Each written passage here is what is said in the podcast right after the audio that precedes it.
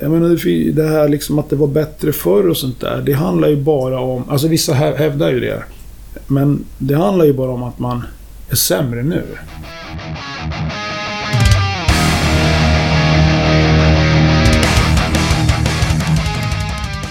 Du lyssnar på Rockpodden. De där orden kom ifrån superbasisten och demonproducenten Ulf Rockis Ivarsson. Rockis har haft en lång och framgångsrik karriär som professionell basist. Men de sista åren har han alltmer ägnat åt att producera skivor.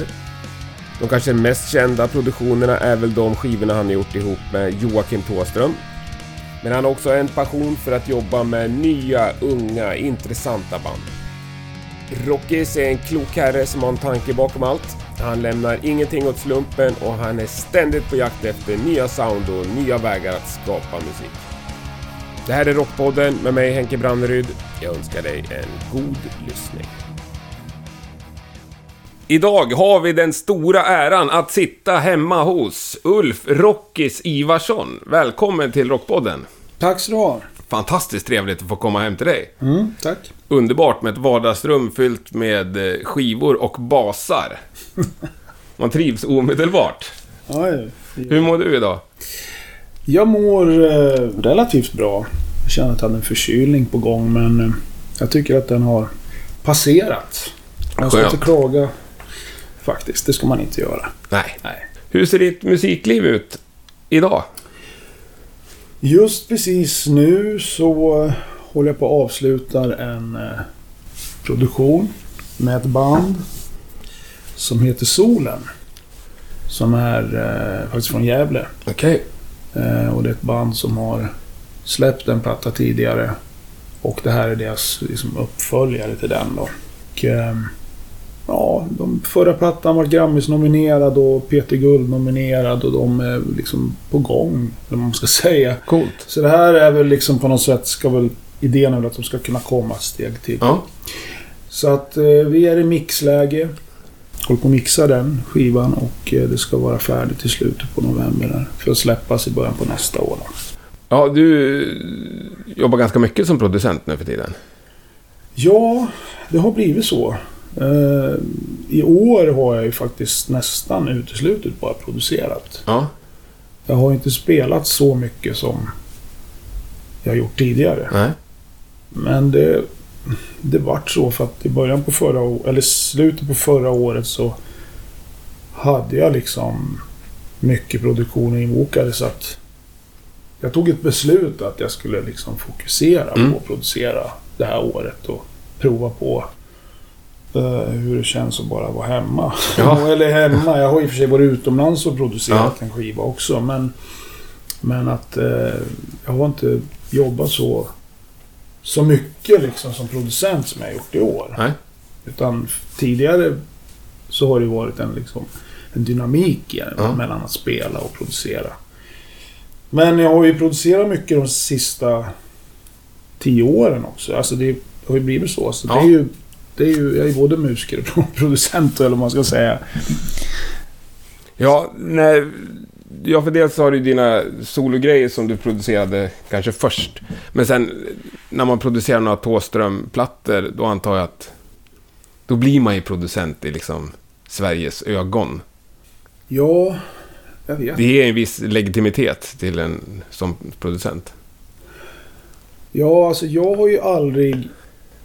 Alltså jag har ju aldrig haft några ambitioner att bli liksom skivproducent, Nej. musikproducent. Utan det uppstod ju när jag började göra min egen musik. Ja. I slutet på 90-talet när jag bestämde mig för att jag... Jag menar, alltså jag flyttade ner till Stockholm från Gävle 96, 97 och, och, då, och det var ju på grund av att jag ville jobba mer. Och då direkt när jag flyttade ner till Stockholm så fick jag jättemycket jobb. Jag jobbade mycket som studiomusiker, spelade bas på plattor och sådär. Men turnerade. Men jag kände att jag ville liksom hitta min grej. Mhm. Vad, vad vill jag musikaliskt? Och hitta ett projekt. Så då startade jag ju mitt, mitt egna... Det var ju massa olika projekt såklart. Men, men i och med det så började jag ju produ- liksom producera min egna musik. Ja. Och då kom jag ju in i den världen att... eh, Ja, Hur lär man sig att spela in? Hur lär man sig Ja. ett musikprogram?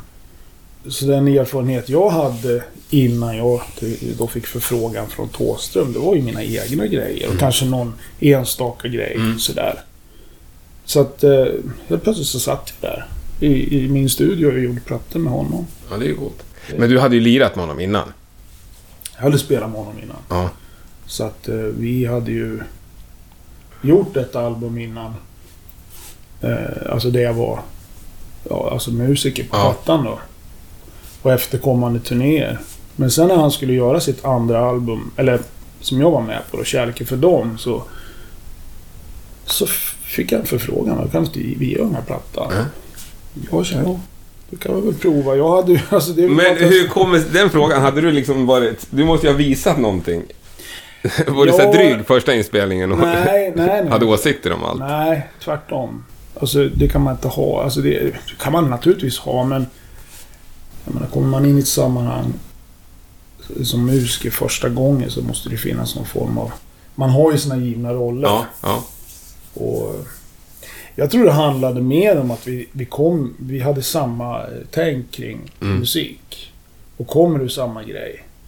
Vi, vi hade eh, liksom en bra personkemi. Va? ja. För det var ju inte så konstigt. Jag menar, han hade ju kunnat ringt liksom vem som helst. ja. Och liksom till vilket producentmanagement Ja. som helst. Men han, han vill jobba med, med, med, med, med människor som, som är nära i liksom kretsen. Eh, det, ja, det är skitcoolt. Det är ganska Ja. enkelt. Det är inget mer med det. Vi sitter och stångas i en studio i ett år och så blir det en platta till slut. Mm. Så så har det varit liksom just med honom då. Och sen i och med det då så har, det, har jag ju fått massa eh, producentuppdrag. Och det är ju mycket tack vare att jag jobbar med Joakim. Ja. För att det är. Det är ju... Ja, men det finns en karaktär i hans musik och folk kanske vill närma sig ett sound och sådär som Ja. kanske påminner om vad han gör. Det är ju väl just därför jag har fått förfrågningar som producent Ja. sen. Eh, och det har ju... Men Ja. det vara en ganska radikal skillnad på att producera en platta som man själv är med och lirar på. Ja, alltså, ja, ja, alltså när man väl är i en produktion Ja. och producerar, då är man ju så i, i själva bubblan så att man tänker inte på vad som händer. Jag, jag känner att eh, det jag kan tycka kan vara svårt när man producerar och ska spela själv, det är att man då du ska ha kontroll över all teknik samtidigt Ja. som ska vara kreativ. Ja. Alltså det... Det har blivit enklare, men det kan bli liksom en konflikt kan jag känna. Alltså att man... Nu ska jag få igång tekniken samtidigt som jag ska ha en, en kreativ Ja. idé om Mm. bara musiken. Mm. Så att när man hamnar i situationer till exempel då när jag jobbade i, jobbade i en studio eller med en artist i, i Berlin nu tidigare år. Då fanns det en tekniker på plats och jag kunde bara koncentrera mig på att guida musiken och, och liksom tänka på det, liksom, den processen. Det är väl det enda som, som kan vara svårt. Jag menar, för alla produktioner är ju olika. Alltså det finns ju ingen produktion som är lik den andra. Nej. För att jag menar, jag har ingen formel för hur man producerar en skiva. Det, den uppstår ju liksom i och med att det finns ett material. Och den personen som har skrivit musiken. Ja. Ja, jag fattar. Men när jag tänkte mer, om du är med och lirar själv så har du ju... Då kan du ju ändå ta upp basen eller vilket instrument du vill och liksom Mm. bidra. Ja. Istället för att få någon annan att spela det du vill. Ja. Fast- Eller är du med och fuskar Ja. lite på de plattorna också och lirar? Ja, det är man ju naturligtvis. Men jag tycker ändå att det är samma. Alltså, det är ju samma sak att bidra. Alltså en idé. Om jag tar upp ett, ett instrument Mm. liksom, så har jag ju liksom idén i huvudet innan. Och det är ju ingen skillnad om jag förmedlar den till någon annan som ska spela. Alltså, det, det är svårare att få att förmedla det till någon annan. Ja, det måste ju vara jättesvårt. Och det är det som är utmaningen. Och hur många eh, basister träffar du på som är liksom... De flesta basister du träffar på är ju sämre än dig. Jag vet inte vad, vad, vad innebär att man är sämre. Jag har ingen aning. Nej, alltså... Jag, jag, Nej, men, men- nej, i men det här fallet kan vi säga rent generellt. Ja, men när jag. man producerar skivor så tänker man ju inte... Då tänker man ju på en helhet. Ja, Alltså det är att få ihop en bild. Mm. Det är att få ihop liksom en, en, en, en helhet och- av liksom olika färger, liksom olika instrumenteringar. och då, då kan ju lika gärna trummisen vara kass eller skitbra och gitarristen. Jag känner bara att folk får vara hur bra eller dåliga de vill. Bara man får ihop helheten. Alltså som producent ska man ju ta hänsyn till en hel bild. Ja. Sen är det ju så naturligtvis att jag har ju en, en förkärlek för rytm. Liksom. Mm. Och, eh, och det är ju liksom det som... Det är det jag håller på med. Så att jag är väldigt noga när jag jobbar med människor. Mm. Eh, Eller band som... Och artister som... Hur man liksom kan tänka om rytmiskt och Ja. i rytmsektionen. För att sen kunna sätta liksom de andra sakerna på plats. Eh, så det måste jag ju. Men är du noga där också när du väljer producentuppdrag? Nu är det väl så här att eh, det är ju inte så där att det ringer 10 pers om dagen. Nej. Och så att man säger nej till fem. Det Nej. funkar inte riktigt så. I mitt fall så är det väl det att jag har ju på något sätt kanske nischat mig i en viss fåra. Så att det är ju där jag har, eller nischat mig, det, det har inte jag bestämt själv. Utan det har ju att göra med att man kanske har jobbat med Thåström. Mm. Och så blir det musik som har förgreningar till det Mm. han gör. Så att eh, det är inte så där att man får ett samtal från Anders Glenmark och att man ska Nej. samarbeta med honom eller Orup och sånt där. Eh, Men, men däremot så har det ju hänt att jag får samtal där jag känner, och där jag också inleder en dialog. Men jag kan känna att ja, det här kommer inte funka liksom. För att vi, vi har två helt två olika liksom, idéer om hur den här personens musik ska, ska låta. Ja, jag fattar. Nej, det kanske jag som snöar in på, på skicklighet, men jag tänker om bandet har rätt sound, du känner att det är liksom rätt, men säg att det är en kasstrummis. Skulle du kunna tacka nej av den anledningen? Nej, ja. Nej. Eller skulle det vara- Nej, det handlar mer om att man, då får man drilla. Alltså, ett, ett, ett, ett, eh, jag har inte hamnat i så ex, extrema situationer riktigt än. Men däremot så har jag ju varit i situationer där jag tycker att folk inte spelar bra. Men då får man ju lösa det. Ja. Då, får man ju, då får man ju se till att det repeteras och att det, eh, att det tas på allvar. Ja. Och att, att hela liksom, produktion, alltså att min idé ska motsvara det. Alltså att man bara, ja, vi måste ju sträva mot samma mål. Oavsett om det är en dålig trummis eller en dålig låt. Som man kör fast i. Att producera musik, det är ju, det är ju ett heltidsjobb. Det är ju som att bygga ett hus. Det Ja. är liksom, det är så här, hur ska vi få det här att funka? Hur ska vi få ihop den här idén som var skissat på innan vi började jobba Mm. ihop? För att det är ju, det är ju någon sorts vision man utgår ifrån när man producerar en skiva. Sen beror det ju på vad det är för musik naturligtvis. Men man måste ju på något sätt... Man, kan, man får inte släppa saker efter 70%. Nej, nej. Och det... Det måste vara helgjutet på något sätt för att... Sen kan ju helgjutet betyda att folk inte behöver vara så jävla bra på att lira heller. för, Ja, att, ja. för att skärmen i, i det bandet, eller produktionen, är att det finns en loose känsla Ja. eller vad det är.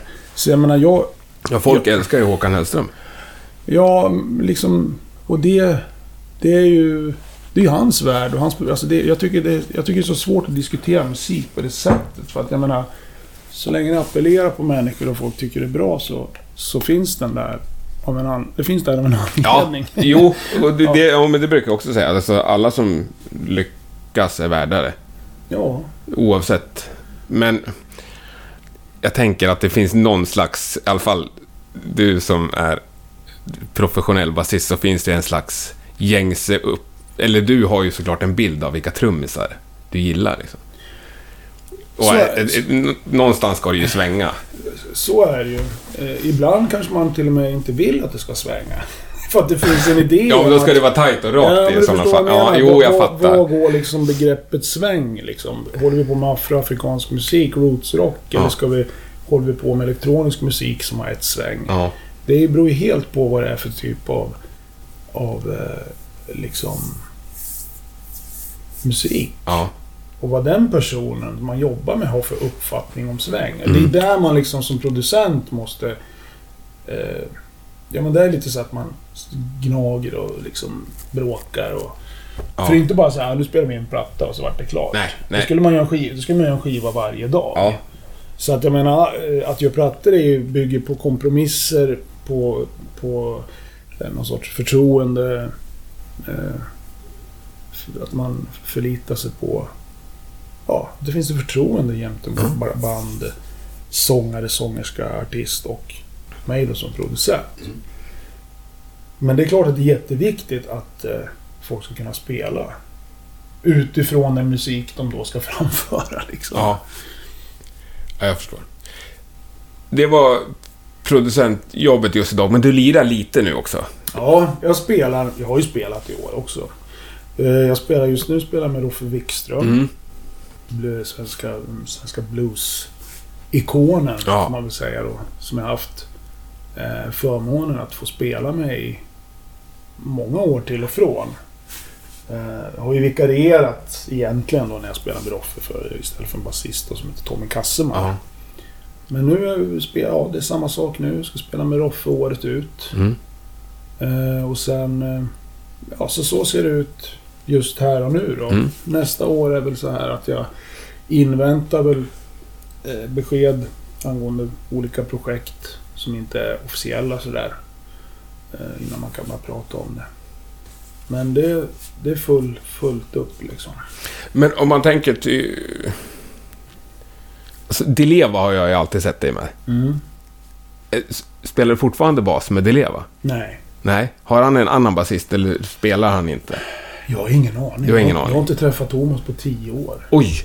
Ja, det var en... Jag spelade med honom. Jag gjorde min sista spelning med Thomas 2005 på Gröna Lund. Ja. Sen har inte jag sett honom. Jag, jag stötte på honom två gånger så här i förbifarten. Ja. Jag vet ingenting om vad han pysslar med. Nej. Nej, inte jag heller Men, men han uppenbarligen. håller ju på och han, han, han har ju, gör ju liksom sina saker har jag förstått. Men jag har helt och hållet tappat kontakten Ja. med honom. Ja, då var ju det ett dåligt exempel. Om du säger Tåström då? Tåström spelar fortfarande bas Ja, med. Thåström, vi, vi eh, jobbar ju fortfarande ihop. Vet du hur planen ser ut där eller ringer han bara en vacker dag och säger nu kör vi? Nej, men han jobbar ju med material för ett nytt Ja. album. Det gör han. Så att... eh, Och det, där finns det ju ett band, så att säga. Mm. Och det kommer ju... Och det är ju det band som har varit med nu de sista sju åren. Mm. Samma sättning sådär. Så att det kommer ju en, eh, en skiva vad det lider och eh, en turné. Det, det vet jag ju. Ja. Så att det... Och där, det, där är så bra. Det hela det bandet och den typen av... eh, Ja, vad ska jag säga? Med, med den omgivningen av människor. Det har ju också blivit en vänskap. Va? Ja. Så det är inte bara att man går in och proffsar och gör ett jobb. Nej. Eller stu- jobb, eller vad ska jag säga, musik. Utan vi är ju också goda vänner på Ja. sidan och sådär. Så att det har ju, har ju växt till en annan grej också. Mm. Men på svaret på din fråga, ja. Det, det kommer att bli med, med, Ja. med honom också. Skön grej att se fram emot. Mm. Man vet att Ja, det kommer. Ja. Men har du något annat än Roffe Wikström som du är aktiv med nu? Ja, inte spelmässigt. Alltså i år har jag ju, som, som jag sa, jag har ju producerat tre plattor. Mm. Jag har ju jobbat med en tysk sångerska i Berlin som heter Andreas Schröder. Mm. Som... Eh, jag var i Berlin i ja, tre veckor och jobbade med henne. Med hennes band. Och eh, allt vad det innebär med det. Repetitioner. Eh, välja material. Ja. Göra klart en platta. Se till att den kommer till mix och släpps i tid. Sen jobbar jag, har jag gjort ett album med ett band som heter Farsta. Som är... Eh, ja, det är ett band med medlemmar från Ebba Grön. Gurra från Ebba Grön till Okej. exempel. Och Hasse Edström, sångare, och gitarrist och låtskrivare som var med ett punkband som heter Grisen Skriker Ja. på den tiden. Och Grisen Skriker och Ebba Grön var ju liksom i samma... Det var i samma tid. Mm. Och, de, och så var Hasse också med ett band sen som heter Raketerna. Som var väldigt bra på 80-talet. Men de, Gurra och Hasse har bildat det var ganska länge sedan de bildade band. Men de har ju alltså, fick ju ett skivkontrakt på ett stort bolag. Så de Okej. har ju då färdigställt, de har ju ett album som släpps 24 november. Så att den har jag varit involverad i. Producerat halva albumet. Okej. Sen ska jag spela med ett band som heter Dead Soul. Som eh, är ett eh, Linköpingsbaserat band. Som eh, en kille som heter Nils Nilsen som väldigt begåvad kille som jag har kontakt med. Så jag ska spela med dem i slutet på månaden här. Och det är någon form av industrirock, blues, Crossover. De Coolt. har släppt en platta, eller två. Det kommer, en, det kommer två plattor med dem. Så de ska jag jobba med. Och de har ju också lite förgreningar till bandet Ghost. Jaha. Så att de, de ligger liksom i... Det är folk från det bandet som ska vara med nu också när vi spelar. Så att eh, det är lite av varje. Sen har jag jobbat med ett folkmusikprojekt. Med en eh, folkmusiker som heter Magnus Stinnebom. Eh, och hans Västan och Orkester Mm. Eh, har jag jobbat med och är medlem i bandet. Okej. Så vi, vi turnerade i förra året och så eh, är det som en tradition att han gör två konserter hemma i Värmland, i Sunne, där han bjuder in gästartister Mm. från alla möjliga musikaliska Mm. genrer. Liksom, sådär. Så att honom jobbar jag ju med också. Så att jag har ju... Det, det kokar ju på. Det är ju... Men det är ju så här också när man... Jag, när man nu som jag bestämt mig för, som jag sa, producera. Man, man kan inte bara ta på sig grejer heller. Nej. Man blir aldrig klar. Nej. Utan man måste... Att göra skivor, det tar tid och det tar mycket kraft. Mm. Det är jättekul. Mm. Men jag skulle kunna liksom ha tre plattor till, men då skulle jag... Det skulle inte vara så snällt mot något av projekten och ha för mycket att göra. Det är som en hantverkare som tackar ja till alla jobb. Ja, men det är inget bra liksom. Och det, det är väl kanske jättelukrativt rent ekonomiskt, Ja. men, men det är inte schysst varken mot mig Nej. eller banden. Nej. För att det kommer inte bli bra. Nej. Och sen är det ju så att man tackar kanske ja till fler grejer idag också, för det är inte samma pengar som det var en gång i tiden heller. Va? Men... eh, Så att man, man... Det är ju det där hur man får känna av och... Ja, det är en svår Ja. balansgång. Men varför blev det bas eh, från början? Hur hamnade du på det? Det var väl... Alltså det var, det, det var, det var för punken. Det var punken, punkvågen som fick mig att börja spela. Och att det blev bas, det, det kunde ha blivit gitarr. Okej. Det hade kunnat blivit trummor. Ja. Jag ville spela trummor först. Liksom att vara inne på det. Men jag kommer ihåg att... Jag kommer ihåg den här tidpunkten exakt. Det var en musiklärare till mig på skolan som sa efter musiklektion att Ja, men om ni är intresserade av att lära er spela så liksom ett instrument så lär jag ut både gitarr och bas. Och det bara så här, bas. Det bara... Fan vad coolt. Det ska jag testa. Och jag, det, det var liksom, han sa det här under liksom åtta sekunder. Och jag hade ju ett väldigt förtroende för den här musikläraren. Han hette Peter Hemgren. Det var i Gävle. Och han gillar ju liksom samma typ av musik som jag gjorde också. Vi hittade varandra sådär. Och det här var ju liksom i med punken där 78. Ja. Eller 70, var 78, 79. Eh, så att jag gick hem till morsan och sa ja men jag vill spela bas. Ja, men, men vad ska du göra? Hur ska du göra då? Du vet ju hur det är. Det kommer ju att tröttna en vecka liksom. Ja, nej men. Gick ner och hyrde en bas på Hagströms musik och sen... Jag vill se er själv. Ja, sen är det klart. Ja, nej men, nej, men alltså, instrument var det... Jag tror det bara var en fullständig impuls. Ja. För att jag hade ju, alltså på den tiden, man hade ju... Om man tänker på vad man lyssnade på för musik, va, det var ju... Det var ju punk. Det Mm. var punkrock. Jag var helt inne på The Clash och Mm. Pistols och, och sånt där. Då var det ju inte liksom instrumentet man var ute efter. Det var ju bara oväsen. Den var musiken. Hela ja. liksom energin. Va? Så Mm. att det var ju sen när man bara liksom stå och liksom smälla på den där basen man fattade att jaha, är det den som låter så här på plattorna? Ja. Sen, så att, men sen, ja. Jag hade ju aldrig någon idé om att jag skulle, det är samma sak där som jag säger som, som producent, att jag skulle, jag ska bli yrkesmusiker eller, eller överleva på det Nej, här. Det var nej. ju bara ett sätt att överleva, liksom någon sorts, vad ska jag säga, hitta identiteten. Ta sig igenom högstadiet. Ja, men lite så. Jag menar, alltså för mig, för, och just det där med punken och instrumentet och sådär var ju så bra. För att jag kände att jag behövde aldrig leta efter någon identitet. Den kom direkt. Ja. Med musiken Mm. och instrumentet. Så jag hittade liksom min trygghet på något sätt. ja, det där känner jag in. Och, och, man, och man behöver inte sätta fingret på vad det är, för det går inte. Jag menar, jag kommer bara ihåg att vi satt hemma och tog ut massa låtar och mådde bra i det. Ja. spelade med ett band och, och så var man bara i den världen. Ja. Då hade jag ju lika gärna kunnat spela gitarr för att Mm. vara det, eller trummor. Men just Mm. att jag kände liksom musiken var helt perfekt för mig. Mm. Just i den gränsen när man ska in någon sorts vuxenliv och hitta. Bara Ja, jag- på. Förstår, jag känner igen dig jättemycket i det. Ja.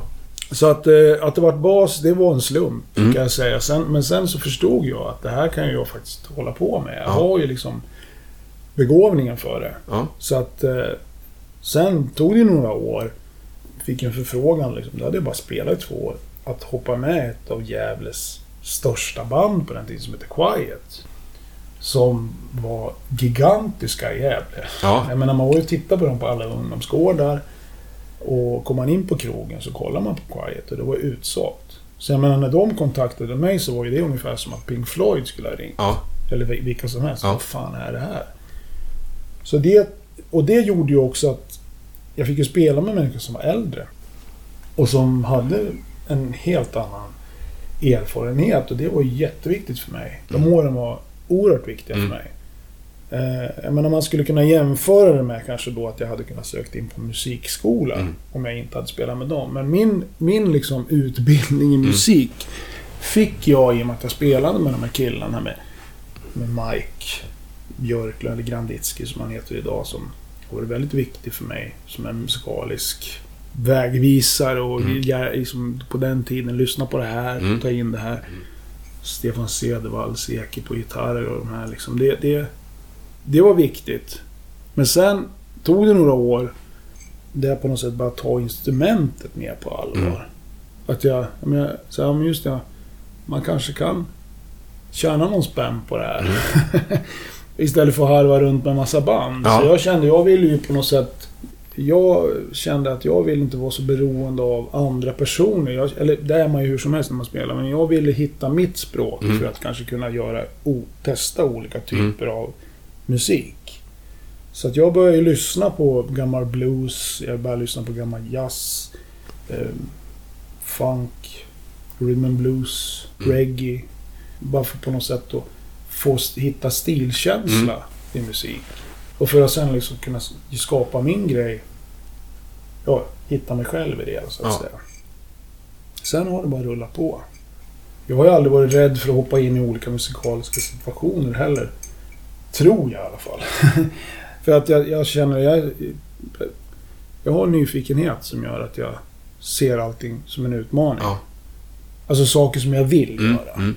såklart. Vissa saker finns det ju ingen utmaning att göra, men jag kan känna att om om det ringer någon som spelar fullständigt avancerad proggrock, det är Ja. klart att jag vill prova det. Ja. Det ligger ju ändå nära till, till hands för, för mig, för det ligger ju Mm. liksom i min musikaliska värld på något sätt. Då hoppar jag ju på. ja, jag fattar. Ja. Men vad skulle det vara som inte är en utmaning då? Nej men det blir ju ingen utmaning om man hela tiden gör samma sak. Alltså om man spelar med ett band. Om man gör, det, men det är det jag kan känna till exempel om att producera och spela. Mm. Det är tur att jag har den dynamiken. För skulle jag bara producera skulle Mm. jag, jag, skulle, jag skulle tycka att det var jättetråkigt. Skulle jag bara spela skulle jag tycka samma sak. Mm. Så att jag tror bara att det här ombytet... Eh, om, man, menar, om, man, om man åker runt och spelar en viss typ av rockmusik med fem olika artister så blir ju inte det... Det blir inte, lik, det blir inte speciellt spännande om man säger så. Ja, men ge mig ett exempel då. Nej men om man ska åka runt och spela någon sorts Tom Petty-rock med fem olika... Som spelar den typen av musik. Ja, i ett band. I ett alltså. band ja. eller artist. Mm. Så, så kan man ju tycka att, eh, om man pratar musikaliskt Ja. då, det kan ju vara fantastiska låtar. Mm. Men ibland kan man ju, kan man ju känna att ja, men det, här, det här ger inte mig någonting. Det, jag får liksom ingen näring av den Nej. här musiken. Jag fattar.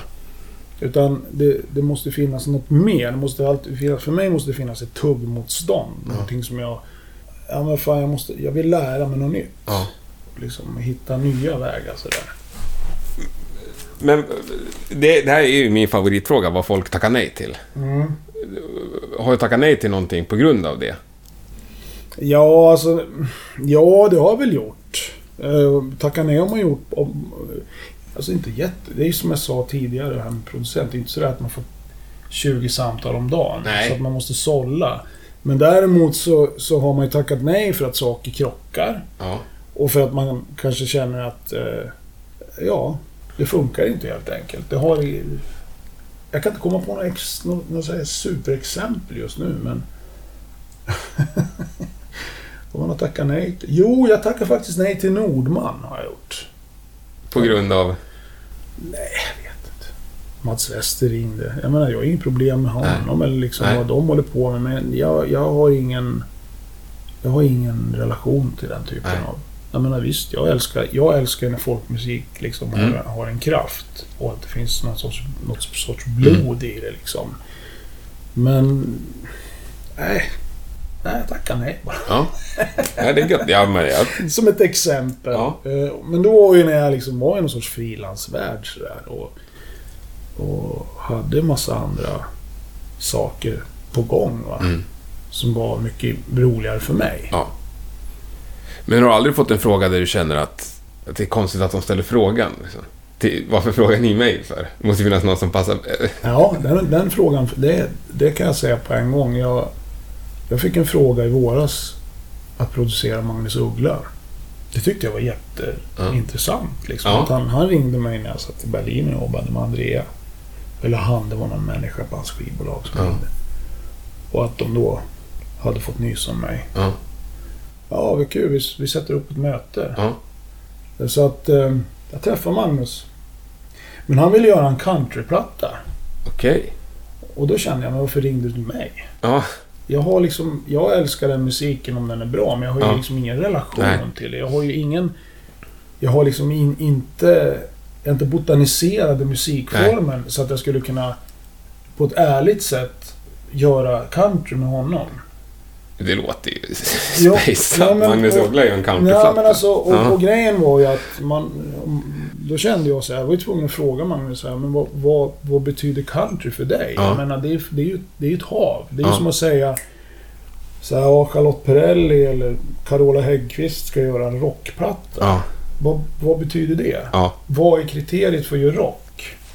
Ja, det är Ska man, ska man liksom... Ska man hitta ett eget sound, sitt sound i musiken eller ska man bygga den på klyschor Ja. och enkla lösningar? Men jag fick liksom aldrig något svar. Han ville, så jag, jag gjorde två demos med. Magnus. Där jag presenterade. Så här tycker jag att det kan låta. Ja. Och han gillade i och för sig det. Men han tyckte att det var för lite country. Okej. För jag kände att jag kan inte göra country.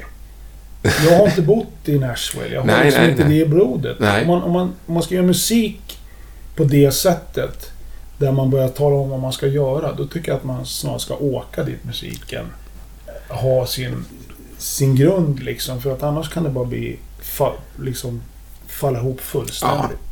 Så att eh, där vart det ju bara så att vi, vi, vi bara så äh, men jag, jag kan inte göra, göra det du vill. Och du vill göra någonting annat. Så att Mm. det, det rann ur sanden. Ja.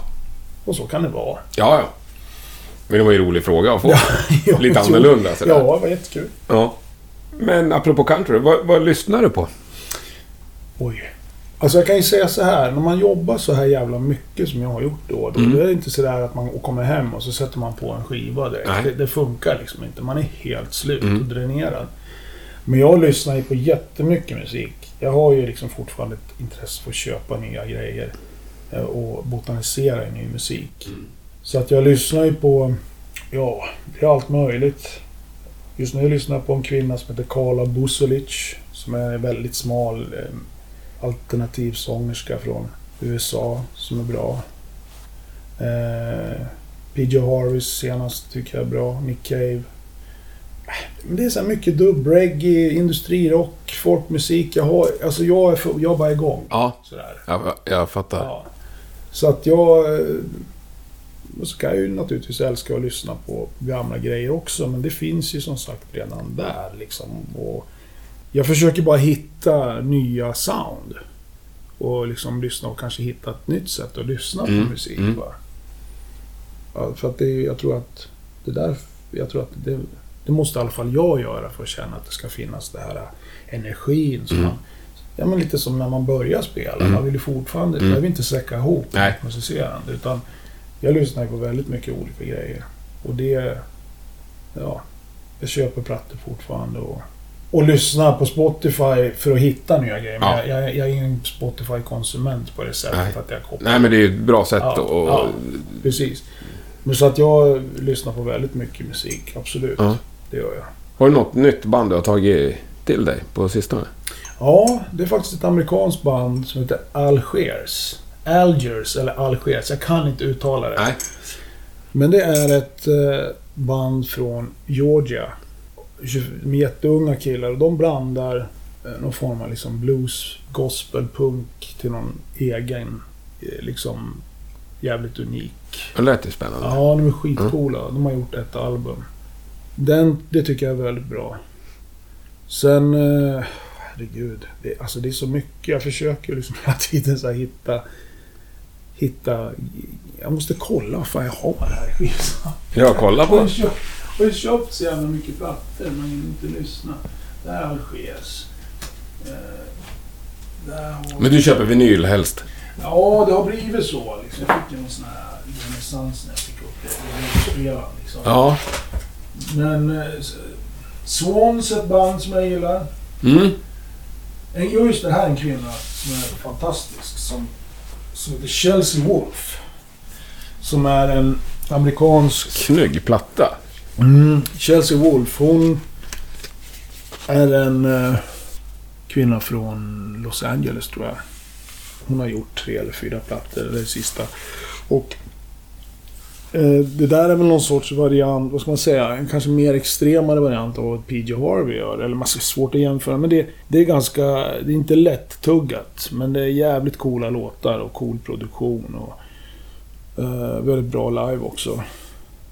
Nej men jag försöker bara här, hitta, du vet, hitta grejer som Ja. fortfarande gör att Wow, en platta som gick in på skivaffären när man bodde Ja, i ja, jag fattar exakt. Då köpte man kanske en Led Zeppelin-platta eller nyaste David Bowie. Men Ja. nu, nu känner man att man... Den känslan. Ja, Första. men också att man blir tvungen att leta lite grann Mm. efter ny musik. För att... Jag menar, det här liksom att det var bättre förr och sånt där. Det handlar ju bara om... Alltså vissa hä- hävdar ju det. Men det handlar ju bara om att man är sämre nu. Ja, men, ja, men bra, alltså det är, bra sagt. Ja, men det är bara för att du har ju din peak mellan 15 och 30 liksom. Ja. Och du ringar in hela ditt liv och allt som har hänt i den, eller Mm. 25 kanske. Mm.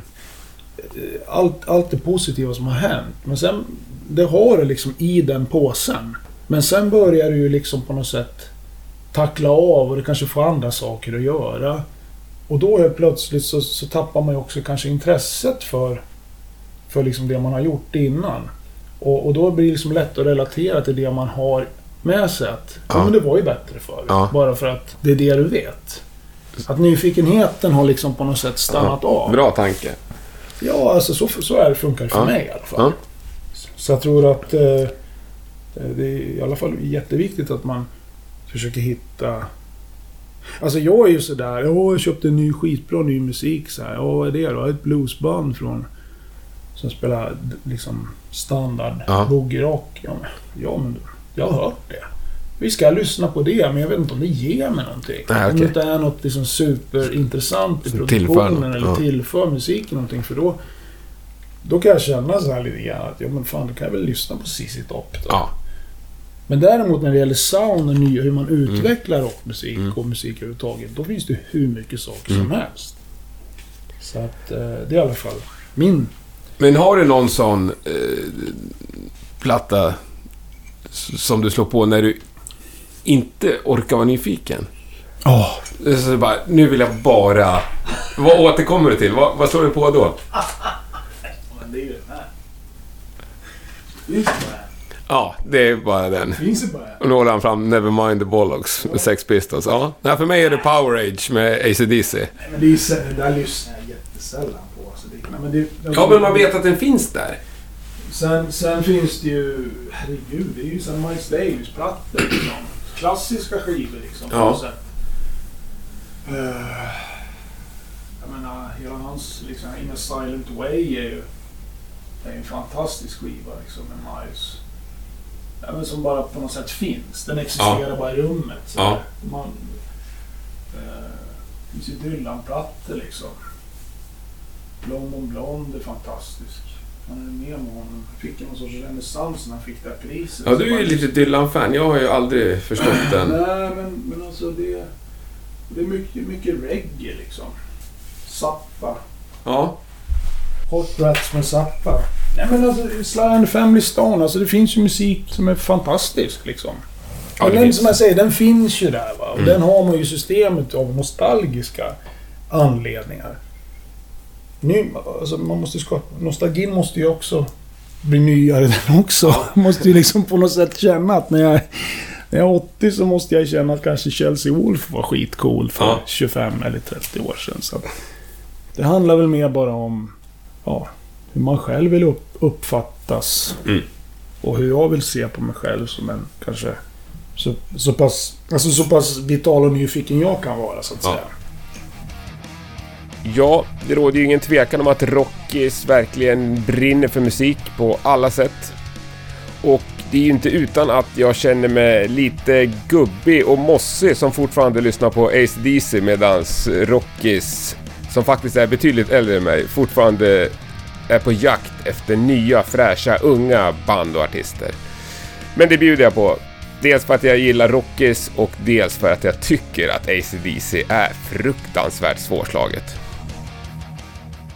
Om vi säger som musiker, vad tycker du är roligast? Spela live eller studio? Nej, live är roligast. Det är ju så. Det är ju... Det är ju faktiskt det ultimata. För att det, det är ju, alltså... Fast det, det är ju så svårt. Alltså, jo men alltså, så får man bara, måste jag välja så säger jag ju det. För Ja. att då är det ju ett sånt där, det är så här nolltillstånd. Du kan liksom inte... Du, du är mitt i det. Och du, du kan liksom inte bara stanna och säga ja, men du spelar fel, vi gör så här, vi gör si och så. Utan det är ju tillstånd av någonting som händer just här och nu. Och det är helt fantastiskt. Ja. När det bara funkar och alla bitar faller på plats. Så är ju det det bästa knarket. Det är faktiskt så. Och jag menar, jag är så tacksam för jag har fått spela med så pass mycket bra Mm. människor som just har... Eh, jag menar i olika stilar. Jag menar, jag har ju spelat, spelat i många år med Claes Yngström, Sky. High. Det var ju, alltså det var ju mycket, väldigt mycket en skola för mig. Eh, att spela med Claes. För att eh, det kunde liksom, man visste inte vad som skulle hända. Man spelade tri på trio Mm. och man fick liksom lära sig improvisera, lära sig fylla ut. Man fick lära sig att setlistan kanske inte ens existerade. Nej. Det kom låtar som man inte kunde.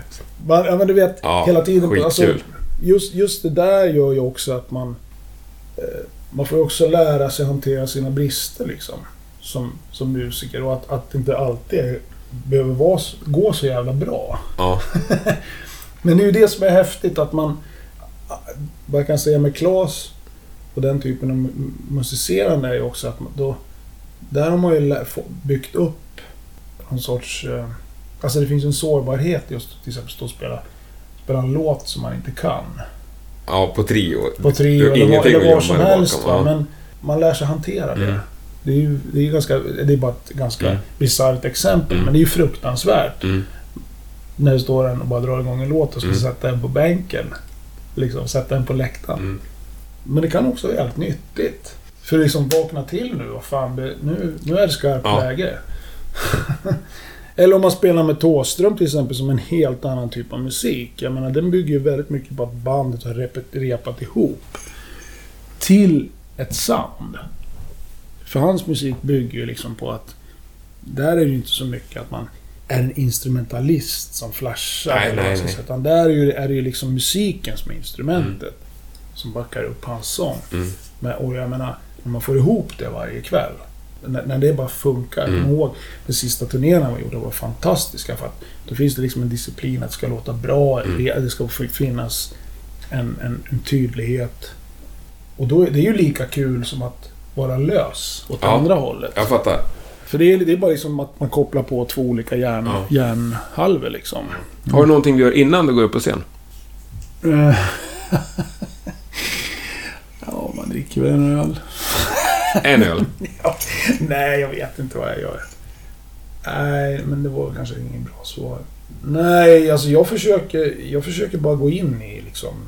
Jag, jag, jag, det värsta jag vet, men det värsta jag vet innan man ska upp på en scen, det är när folk tramsar. Alltså när det blir så här tjo och liksom... Det, det måste vara fokus. Det måste, alltså, jag måste gå in i min värld för att kunna liksom... Så jag går gärna undan i någon minut Mm. för mig själv och, och oftast i de situationer när man har spelat sådär band, då vill man vara i fred.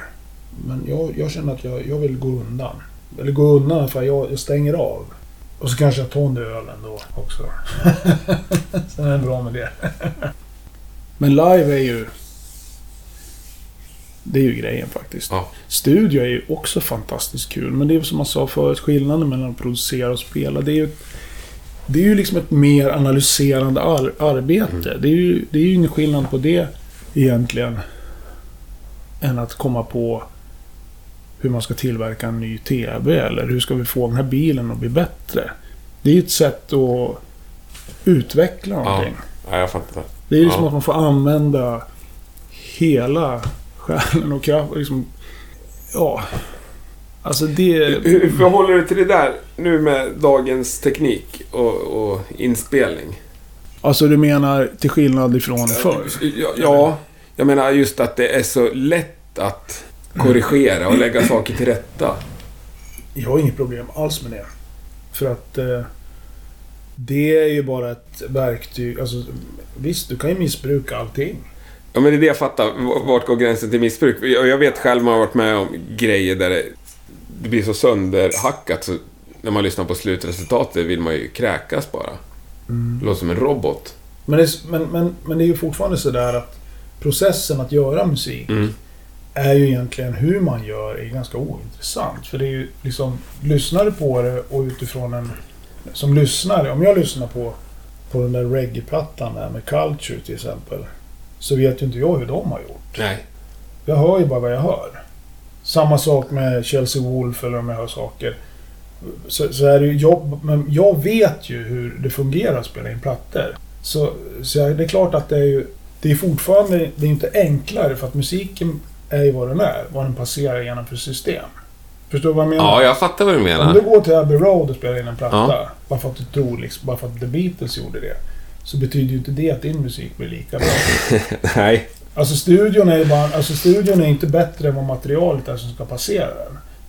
Och det är ju samma sak med ett ljudkort som jag har Ja. hemma. Det är ju idéerna. Jag tror på idéer. Ja. Sen vad det passerar för grejer. Det bryr inte jag mig om. Nej, och det köper jag. Men jag tänker just om du spelar in live eller... eller det hör du ju ändå. Det där beror ju alldeles på vad det är för musik också. Men Det finns ju mycket hårdrock med liksom programmerade trummor. Mm, men, det, men det har ju blivit... Men då är det ju fortfarande så att hårdrocken har ju gått vidare också. Alltså om man nu lyssnar på Deep Purple och Led Zeppelin som var en typ av Mm. eh, preferens för vad hårdrocken lät Mm. då. Så har ju de gränserna förflyttats Mm. Till någonting som... Ja, antingen gillar man det eller så gillar man det inte. Men den har ju också förändrats. Det skulle ju vara otroligt tråkigt om all hårdrock lät som Led Zeppelin. Ja, ja. Eh, Fruktansvärt. och, om det är inspelat på det sättet. Va? Utan det är ju norm för en viss typ av genre, subgenre i den genren. Mm. Förstår du? Det är samma med all annan musik. Och att, och, men för mig är det ganska enkelt. Du har liksom ett verktyg, ett musikprogram. Eh, och sen är det ju... Du har alla möjligheter, men måste du använda alla möjligheter? Jag menar, liksom, det är ju fortfarande liksom den musikaliska idén och Mm. visionen som ska på plats. Mm. Bara för att du kan pitcha om sång och sådär Mm. så behöver du ju inte. Utan det där måste ju det där måste vara upp till dig själv i, i, i samspråk med dem du jobbar med då, till Mm. exempel. Hur man vill göra. Jag menar, vi spelade in en platta i Berlin med Andrea. Då spelade vi in med band. Eh, tagningar.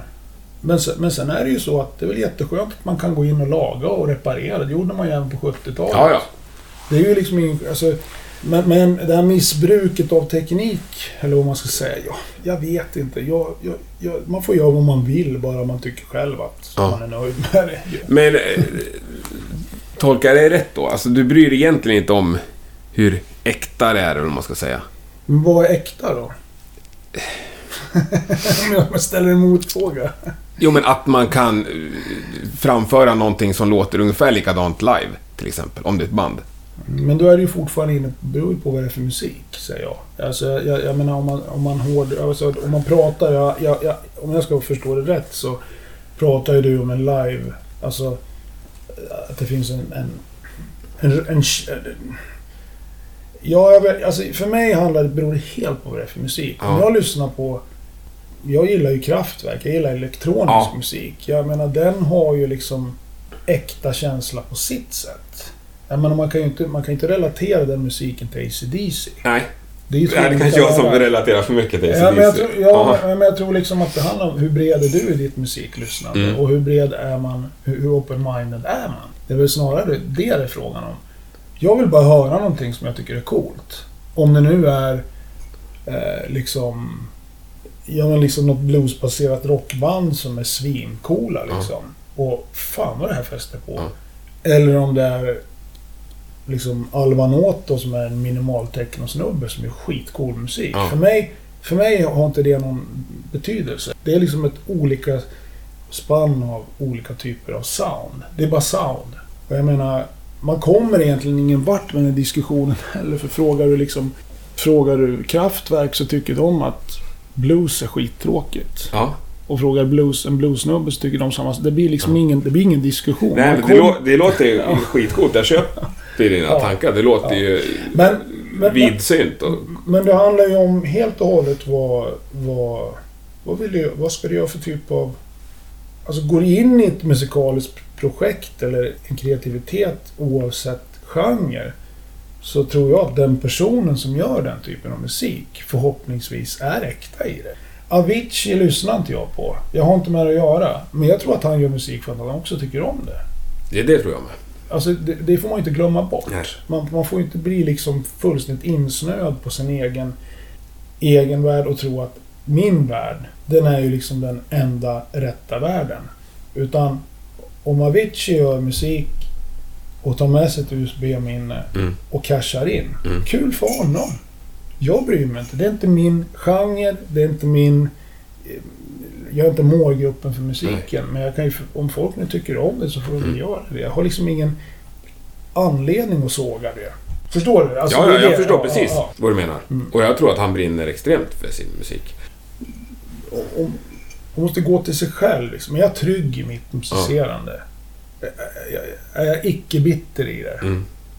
så får folk göra vad de vill. Ja. Liksom. Och jag menar, min, min son, han, han, han fattar ju inte vad jag lyssnar på. Han, han, hans verklighet och musik är ju som en 10-11-årings eh, Ja.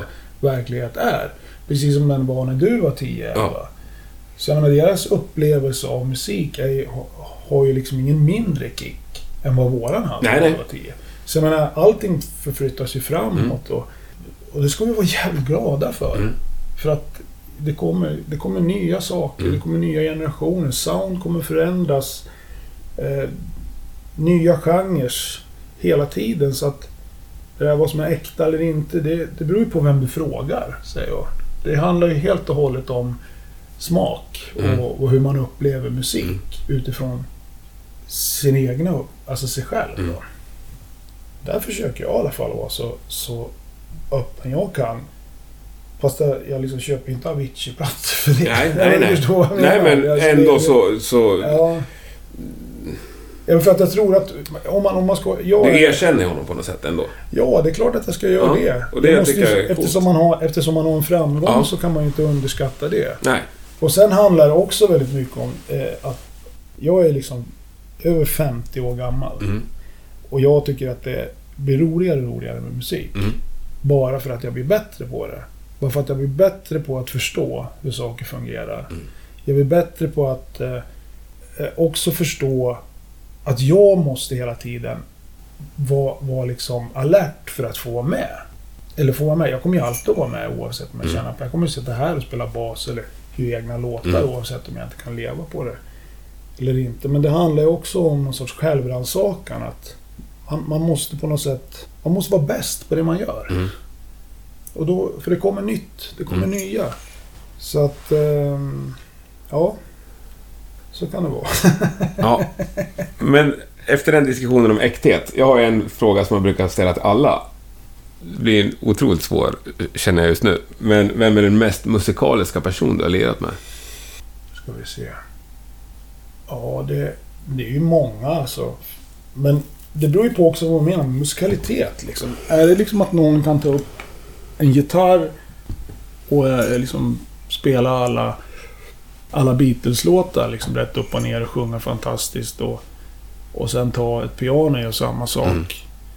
Eh, men, in, men inte har någon, något som helst intresse av att spela musik? Eller handlar det, eller musikalitet, bygger det på att någon har en, en eh, ett eget sound? Mm. Det är så olika. Ja, ja. Det Alltså, fattar jag. Det det. må- må- så att jag menar, det, det, det är svårt att komma på liksom. Jag spelar med fantastiskt musikaliska personer.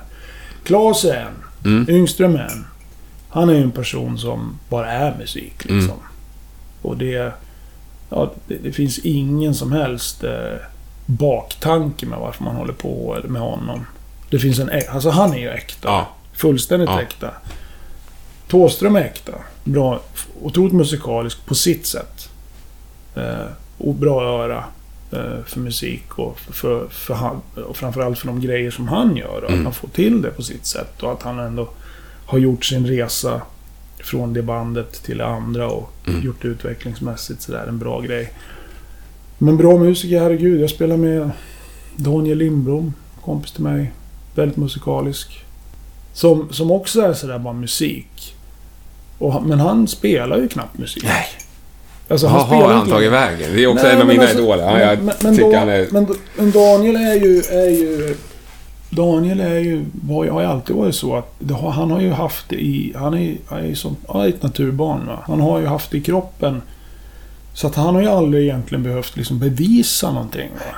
Han spelar ju gitarr sådär som han gjorde, i, alltid har gjort. Det gjorde Ja. han när han var 13. Ja. Det bara, han bara har det. Ja.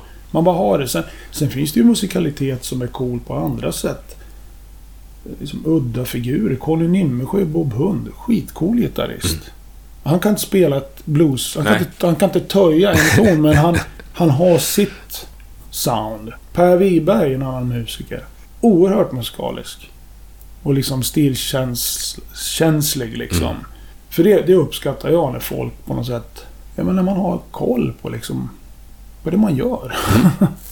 Ja, coolt. Ja. Bra svar. Mm. Av allt du har gjort i din karriär, Mm. vad är du mest stolt över? Jag är faktiskt jättestolt över att jag, att jag faktiskt släppte tre egna skivor. Ja. Alltså i mitt alltså, eh, eh, projektnamnet Beat Under Control. Ja. För det var ju någonting som... Fast jag, funkar så. Om jag har bestämt mig för någonting, då, då genomför jag det. Mm. Då av- avslutar jag saker. Mm. Det, det, det är jag faktiskt ganska bra på. Så att det är jag jätteglad för. eh, För att jag, jag, jag gjorde det och att jag kände att... Sen... För min egen skull. Och för att det var väldigt nyttigt för mig. För det har ju sen gett mig andra saker. Så det har varit jätte, är jag jättestolt över. Sen är jag jättestolt över att jag har fått liksom, åka runt hela världen och spela musik. Jag har varit i Indien, jag har varit i i Sydamerika, jag har varit i USA. Jag har, musiken har tagit mig till, till massa ställen. Det är jag jättestolt över. Att jag har fått spela med Klas till exempel. Och att jag har jobbat med... Alltså det är så svårt att säga en specifik grej så här.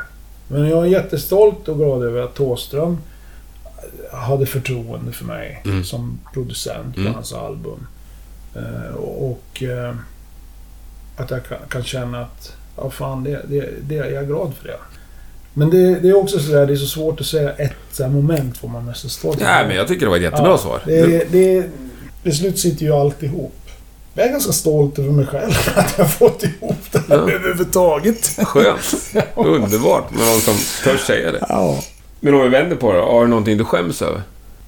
Ja, det, är så skä- det kanske skäms. Alltså, det, det, det, tycker jag väl inte är...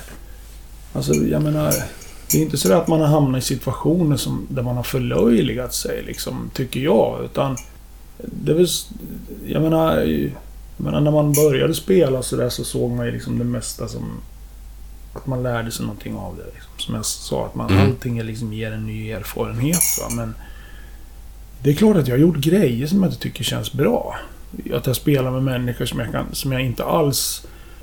Fast det är inte att man skäms för saker. Det är väl snarare att man tycker att man inte hör hemma där. Att man tänker att man inte kanske skulle tacka ja. Att man spelar med, med, med artister eller vad det nu är, sångare eller band som inte har, liksom, har samma grundinställning. Mm. Eller att det bara inte limmar. Det kan ju vara helt olika grejer. Man, man kan ha- hamna i en turnébuss med, med någon som går omkring med liksom en påse med Gucci-t-shirts. Liksom. Det får man ju göra, men jag, pass, jag är inte där. Jag har inte med det att göra och jag känner att då handlar det ju liksom om olika eh, liksom sam, hur, hur man... Alltså olika nivåer på... På hur... ja, Hur funkar de här personerna? Hur funkar jag? Men det är inget fel på dem för det. Nej, det är bara att jag hör inte hemma Nej. där. Okej. Men hade han sina Gucci-t-shirtar i en påse verkligen? Och ingen Nej, väska? var- Nej men det var ju... Ja men, ja, men alltså de var väl inhandlade då? På en jättefin affär. Nej, det var ett dåligt exempel. Nej, jag tyckte det var ett jätteroligt exempel. Nej, men alltså att man jobbar kanske med människor som inte... Och, och det, det handlar inte kanske om musiker. Det kan vara branschmänniskor. Mm. Som man bara får spa, man, får, man får panik när man träffar vissa. Jag Ja. bara känner, ta, jag tar bort mig härifrån. För att jag känner mig inte hemma. Men det är ju ingenting man skäms över. Det är snarare att man tycker att, att man inte har där att göra. Det är väl som var som helst. Man har, trivs man inte på ett arbete, då ska man inte vara där. Vad har du för mål framåt? Framtiden? Nej, men alltså mitt mål är väl att fortsätta hitta roliga projekt att jobba med. Producera och spela. Eh, det jag ska göra nu, börja på här i december, det är att jag faktiskt ska dra igång mitt där Beat Under Control igen för en, lit, ett lit, en liten produktion då som jag ska göra. Okej. Eh, Och så sen ska jag satsa lite mer på mina solobaskonserter. Eh, det vill jag göra. Så att, och det, ja, jag känner bara att jag, jag fortsätter som jag alltid har gjort. Det kommer att- Det brukar gå bra. Men om man tänker 2017. Mm. Man tänker att det är 12... eh, För att göra enkelt, 12 månader. Hur många eh, av, av de bitarna vet du vad du kommer göra? Om man ser från maj året ut så har jag ju grejer att göra. Så det, det har jag ju. Det är väl nu i början på året som är lite så här hänger lite i luften. Mm. Eh, Men är det spännande eller är det liksom... Saknar du tryggheten i det? Ja, Jag, jag, alltså trygg, om, man, om, man, om jag skulle gå på trygghet, då skulle jag inte spela överhuvudtaget. Nej. För jag menar, det, jag tror det handlar mer om ett sätt att vara som person. Eh, och skulle jag vara trygg i att spela musik, då skulle jag söka mig till dem. Det finns ju trygga musikvärldar. Då skulle man ju, då skulle man ju dras till att vara kanske musiklärare på heltid. Ja. Och, och lära folk hur Beatles gjorde. Ja. Och, Ja. eller ja, men du vet. Mm. Copy of the copy. Eller så blir man någon form av liksom teatermusiker. Jag vet inte. Men det Nej. finns ju den typen av musiker som vill vara trygg. Alltså, ja. och det, Med anställda mer. ja, ja, sådär. Och eh, det är inget fel i det. Men jag, jag har aldrig dragits till det. Och jag vet att allting, det ordnar sig. Jag, liksom, jag, jag går på känsla. Jag går på magkänsla. Och spricker det som det kan göra ibland, då löser jag det. För jag är ju, jag är ju liksom en fungerande person. Ja, uppenbarligen. Ja. Ja, men sk- skön inställning. Mm. Men, men jag känner det... Jag vill bibehålla... Jag vill liksom att musik ska vara... Det är liksom min frihetszon. Lika mycket som det är faktiskt någonting som, som jag kan leva på. Det har blivit så. Mm. Och då vill inte jag att jag ska liksom... Jag vill kunna styra det själv. Mm. Det är så mycket annat i livet som man inte kan styra. Jag kan inte styra när jag ska betala min telefonräkning eller hyran. Men däremot ska jag styra... Det som är bra, till exempel med det här livet som jag har, det är att jag kan ta ledigt i två dagar. Och gå omkring här hemma i kalsonger och dricka kaffe. Men jag, då kommer det inte in några pengar. Men då vet jag, eh, men det är en frihet för mig. Det är en oerhörd frihet för mig.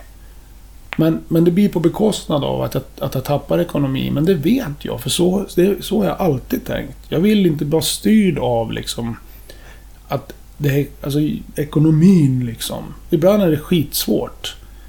Ibland är det jättebra ekonomiskt.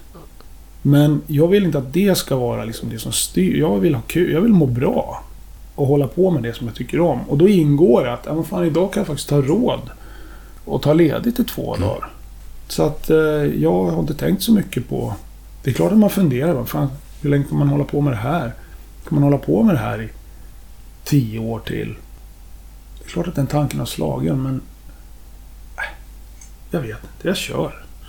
Ja, det tycker jag. tycker jag verkligen du ska göra.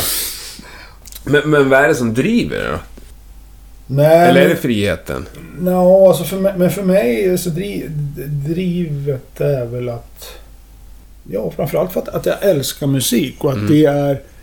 Musik... Eh, det finns ju liksom inga regler för musik. Jag, jag, jag, det, och det är det jag tycker är så skönt också i mig, liksom, att man faktiskt är uppväxt med, med punkestetiken lite grann. Att, att man, man får faktiskt göra som man vill. Mm. Sen behöver ju inte alla tycka om det man gör. Nej. Utan det... Jag känner att jag vill ha en frihet i det jag gör. Ibland gör jag grejer för att jag kanske måste överleva. Ibland gör jag grejer för att jag kan betala för att få spela. Mm. Eh, Jag vill känna att allt det där måste sitta ihop. Och ibland så kanske det krisar sig. Då löser man det. Då får man liksom åka upp till Borlänge och jobba på högskolan och undervisa elever till Ja. exempel. Som jag gör. Som är lika kul Mm. som att spela. För skulle man oroa sig hela tiden, då ska man nog, sätta, då ska man nog liksom jobba på bank. Eller, ja. eller känner jag. ja, jag förstår. Sen är det ju så här, det är lite, jag, jag känner så här, det är för sent att tala om för mig att jag ska skaffa ett jobb, klippa mig och växa upp. Ja. Det, det, det, skulle, det skulle de ha gjort när jag var 16. Det funkar inte. Nej, så nu är det bara att köra. Loppet ut. Ja, nej, Ja. jag gör det jag gör. Så Tycker du gör rätt i. alltid gjort. Ja, underbart. Nej, men jag tror att vi rundar av. Ja, ja. Stort tack. Känns det bra? Fantastiskt Ja. trevligt. Jag tycker det känns skitbra. kul. Tyckte du det kändes bra? Absolut. Ja, härligt.